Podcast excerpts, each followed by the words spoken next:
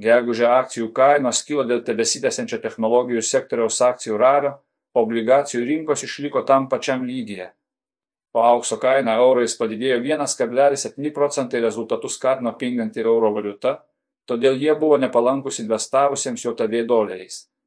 Dėl technologijų sektoriaus augimo ir atpigusio euro tarp regionų išsiskyrė JOTV ir Japonijos akcijų rezultatai.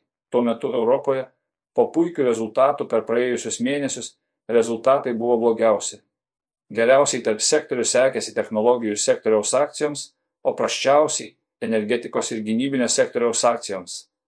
Visą mėnesį investicijų naujienų sraute dominavo diskusijos dėl JOTV viršutinės skolos ribos.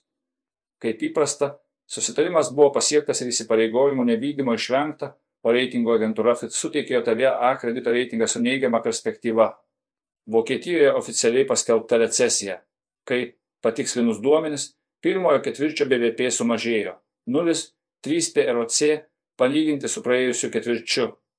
Tai jau antras neigiamas ketvirtis išėlė. Tačiau Europos ir JOTV verslo aktyvumo bei darbo rinkos duomenys dar nerodo tikros recesijos. Bedarbių paraiškų skaičius JOTV ir toliau po truputį auga. Pasaulio gamybos sektoriaus duomenys yra labai silpni, tačiau padėti kol kas gelbsti stiprus paslaugų sektorius. Apskritai atrodo, kad esame įstrigę stagfliacijoje, o ne recesijoje. Gegužę, kaip tikėtasi, ECB FED padidino palūkanų normas 25 baziniais punktais. Palūkanų normų rinka ir ekonomistai tikisi, kad birželio TD palūkanų normos nebekils, o šią vasarą jos gali padidėti tik vieną kartą. Tačiau Europos ekonomikai, kaip įprasta, atsiliekant nuo JOTV verslo ciklo, tikimasi, kad ECB vis tiek kels palūkanas, kurios spalį pasieks aukščiausią lygį.